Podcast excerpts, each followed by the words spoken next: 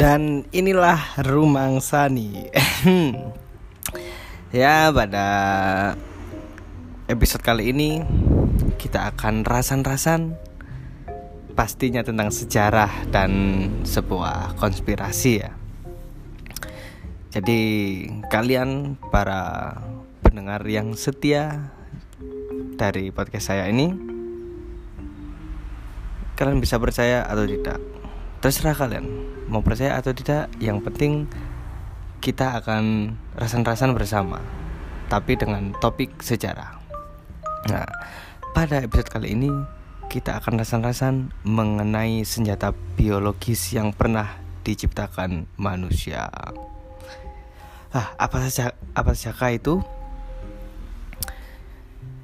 Mari kita mulai rasan-rasannya ya sebenarnya senjata biologis yang pernah diciptakan manusia itu banyak Salah satu metodenya justru sering dipakai oleh salah satu raja besar di Jawa, yaitu Sultan Agung, ya, kerajaan Mataram Islam.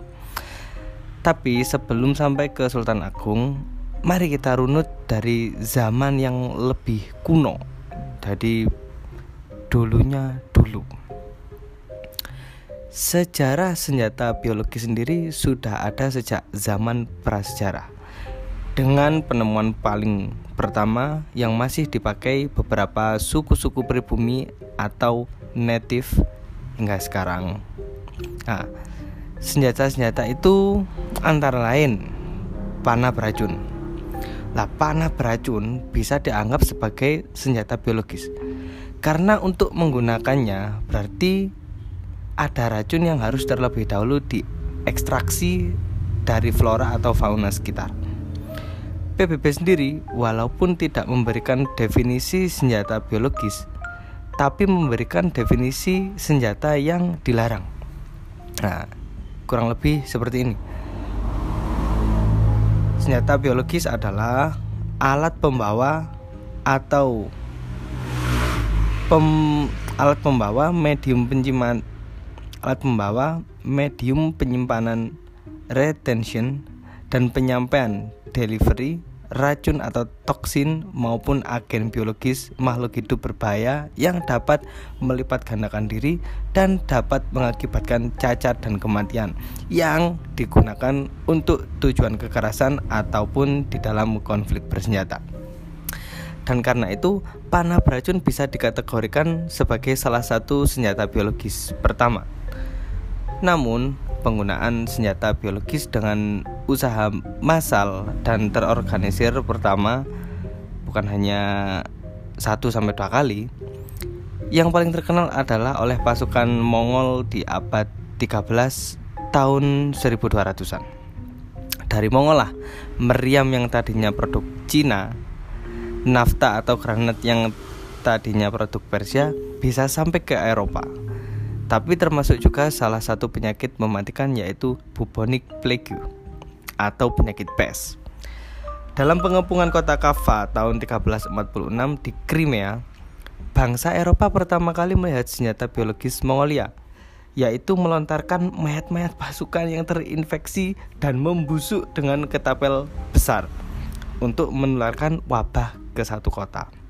Jadi kalian bisa bayangkan mayat itu dilemparkan ke kota, ke rumah, ke istana, ke tempat peribadatan. Lah, dilemparkan biar apa? Biar penyakitnya yang ada di mayat itu menular ke seluruh penjuru kota. Salah satu tulisan mengatakan, kaum Tatar ini, Mongol, sudah dihabiskan oleh penyakit hitam itu mulai berjatuhan di segala penjuru. Melihat keadaannya yang sudah tanpa harapan, memerintahkan agar mayat-mayat prajuritnya ditempatkan di atas mesin ketapel besar dan dilemparkan ke dalam kota Kava. Kaum Nasrani mencoba membuang sebanyak mungkin mayat tersebut ke laut. Namun tak lama kemudian di udara kota tersebut sudah penuh penyakit. Airnya teracuni dan wabah pun dimulai di mana hanya satu dari seribu orang yang tak tersentuh. Nah, jadi bisa kalian bayangkan banyak sekali masyarakat kota yang tertular wabah penyakit tersebut dan hanya satu orang yang imun tubuhnya kuat alias tidak tersentuh. Wabah yang dimulai dari serangan-serangan Mongolia ini nantinya akan meluluh lantakkan Eropa di mana lebih dari 50 juta jiwa, sekitar 50% atau setengah populasi Eropa kala itu mati oleh wabah pes tersebut dan disebut Black Death atau wabah hitam. Kalau kita melihat peta persebaran wabah hitam di zaman sekarang, airport jadi tempat penyebaran. Di abad ke-14 kota-kota pelabuhan seperti Konstantinopel jadi tempat penyebaran atau pandemik. Bagaimana yang awalnya hanya wabah lokal menjadi wabah di seluruh Eropa dan Timur Tengah. Metode senjata biologis ini pun lalu diadopsi oleh beberapa pasukan di Eropa dan terus dipakai hingga abad ke-18 atau tahun 1700-an. Karena metode tersebut jauh lebih berisiko dan mahal dibanding meriam dan senjata api yang sudah berkembang besar. Selain teknik bombardir maya tadi, salah satu teknik senjata biologi zaman dahulu adalah peracunan sumber air taktik ini menjadi favorit Sultan Agung Hanyokro Kusumo dan bahkan digunakannya dalam pengepungan kota Surabaya pada tahun 1625 dan Batavia 1628 sampai 29. Sultan Agung menaklukkan Surabaya dengan cara membendung Kalimas, cabang dari Sungai Berantas. Hanya sebagian dari air tersebut melewati bendungan air yang sedikit itu menjadi busuk karena keranjang-keranjang berisi bangkai binatang dan buah aren yang diikat pada tonggak-tonggak di dalam kali. Walaupun bedanya, Sultan Agung berhasil di Surabaya tapi gagal di Batavia karena terjadi senjata makan tuan, di mana pasukannya sendiri juga akhirnya terkena wabah kolera. Inilah dua metode senjata biologis kuno yang sering dipakai nah, penularan penyakit atau peracunan sumber air. Namun semua itu berubah dimulai dari Perang Dunia Pertama. Di mana Kekaisaran Jerman memulai percobaan senjata kimia dan biologis. Senjata biologisnya yaitu menularkan bakteri antraks, sementara senjata kimianya memakai berbagai gas racun seperti sarin, mustard, klorin nah, untuk menghadapi pasukan Inggris di Perancis. Dimulai dari serangan Jerman di Perang Dunia Pertama inilah pasukan-pasukan lain mulai menelusuri percobaan-percobaan senjata biologis lainnya. Inggris dan Amerika juga ikut berlomba. Namun salah satu usaha peperangan biologis biowarfare terkejam pernah dilakukan oleh Jepang pada Perang Dunia Kedua di mana Jepang membuat laboratorium senjata biologis di Cina di bawah Satgas Rahasia Unit 731, Unit 1644 dan Unit 100. Ketika Satgas ini bertanggung jawab akan banyaknya percobaan dan siksaan tawanan perang di Cina yang ya saya juga nggak berani ceritakan di sini saking parahnya. Tapi juga beberapa serangan biologis Jepang terhadap Cina selama Perang Dunia Kedua. Ketiga unit ini berhasil mengorkestrasi serangan senjata biologis ke 11 kota besar di Cina termasuk Ningbo, Changde, dan Nanjing.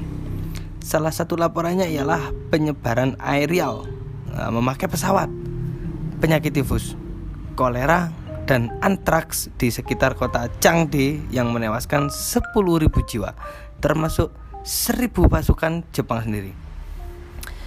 Di akhir perang dunia kedua atas dorongan Partai Komunis Cina Soviet menghukum tegas atau membunuh hampir semua orang yang terlibat di ketiga satgas senjata biologis Jepang ini. Namun mereka yang ditangkap oleh pasukan Amerika diberi perlakuan khusus di mana Amerika lewat Jenderal MacArthur memberikan imunitas legal atau perlindungan hukum selama semua dokumen dan eksperimentasi mereka dibeberkan secara rahasia ke intelijen Amerika. Di sinilah Amerika memulai intensifikasi senjata biologis yang berpuncak pada penggunaan Agent Orange semasa Perang Vietnam nah, antara tahun 1661 sampai 1671. Sebuah kombinasi herbisida atau pestisida pembasmi hama yang disemprotkan atau dihujankan di seantero hutan Vietnam. Hingga kini masih terdapat veteran perang Vietnam di Amerika maupun warga Vietnam yang menderita penyakit komplikasi dari Agent Orange ini. Ya bayangin lah, petani biasa saja kalau sedang semprot pestisida harus pakai kain sebagai masker dan kulit yang terekspos supaya minim. Lah sekarang bayangin, Anda dihujani pestisida berminggu-minggu tanpa bisa kabur. Ya pasti jadi hama alias penyakitan. Berdasarkan dari kasus Agent Orange inilah Uni Soviet dan Inggris mencoba untuk membuat sebuah perjanjian PBB untuk melarang penggunaan senjata biologis ofensif atau untuk serangan. Setahun setelah akhir penggunaan Agent Orange yaitu di tahun 1972 lahirlah konvensi senjata biologis atau Biological Weapon Convention. Walau sudah disetujui lebih dari 135 negara, ada dua tipe negara yang masih dalam pemantauan BWC ini, yaitu negara-negara yang menyatakan secara resmi pernah memiliki senjata biologis dan atau masih memiliki kemampuan senjata biologis defensif, misalnya serum anti racun, yaitu Amerika Serikat, Rusia, Prancis, Inggris, Kanada. Negara-negara yang tidak menyatakan secara resmi, tetapi menurut laporan-laporan pertahanan dan militer, kemungkinan sedang mengembangkan atau sudah memiliki senjata biologis. Antara lain, Tiongkok, India, Pakistan, Ethiopia, Iran, Irak, Israel, Mesir, Libya, Korea Utara, Korea Selatan, Syria, Taiwan, dan Vietnam. Beberapa contoh bom biologis Irak yang menjadi selongsong atau kantong untuk diisi racun botulinum nervotoxin atau botox dan banteri anthrax. Bom ini dikenal dengan sebutan dirty bomb alias bom kotor. Dan senjata biologis macam inilah yang diklasifikasi oleh Amerika sebagai WMD, senjata penghabis massal, untuk menjustifikasi invasi Irak di tahun 2003. Dan walaupun benar, Irak memproduksi lebih dari 10.000 liter botox. Banyak pakar yang kemudian menyanggah dan berpendapat bahwa Irak tidak mempunyai kapasitas bom sebesar 10.000 liter botox. Jadi bahan mentahnya punya, tapi senjatanya tidak sebanyak yang dikira. Selain itu, Konvensi ini juga tidak menggagalkan bioterorisme atau pelakuan aksi teror oleh aktor non negara non tentara yang menggunakan senjata biologis.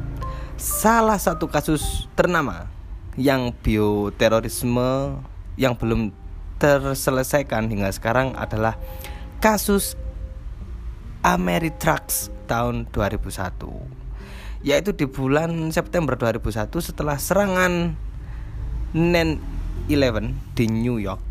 Beberapa politisi Amerika menerima surat ancaman tidak bernama yang ternyata menyimpan bakteri antraks atau sapi gila dalam amplopnya. Kasus ini sempat membuat beberapa senator dan wakil DPR Amerika sakit. Lima orang meninggal, 17 orang terluka, dan puluhan orang jatuh sakit. Selain senjata biologis atau aksi bioterorisme secara langsung di tengah pandemi corona ini juga sedang terjadi perang dagang medis menurut Uni Eropa yang beberapa analis katakan bisa dikategorikan sebagai senjata ekonomi biologi tidak langsung. Ya Tiongkok sempat mengancam untuk memblokade perdagangan barang medis atau APD ke Amerika yang dikategorikan ilegal oleh PBB. Mengingat ketika blokade atau sanksi ekonom kepada Iran pun Amerika dan Uni Eropa dilarang oleh PBB untuk memblokade suplai medis ke Iran, obat-obatan dan suplai medis termasuk barang yang dilindungi dan tidak boleh ditahan. Dari panah beracun sampai bom dan serangan bioteroris yang sudah banyak sekali perkembangannya, bahkan sampai yang kita juga tidak tahu per perkembangannya untuk masa depan. Entah di labnya Amerika atau di labnya Tiongkok.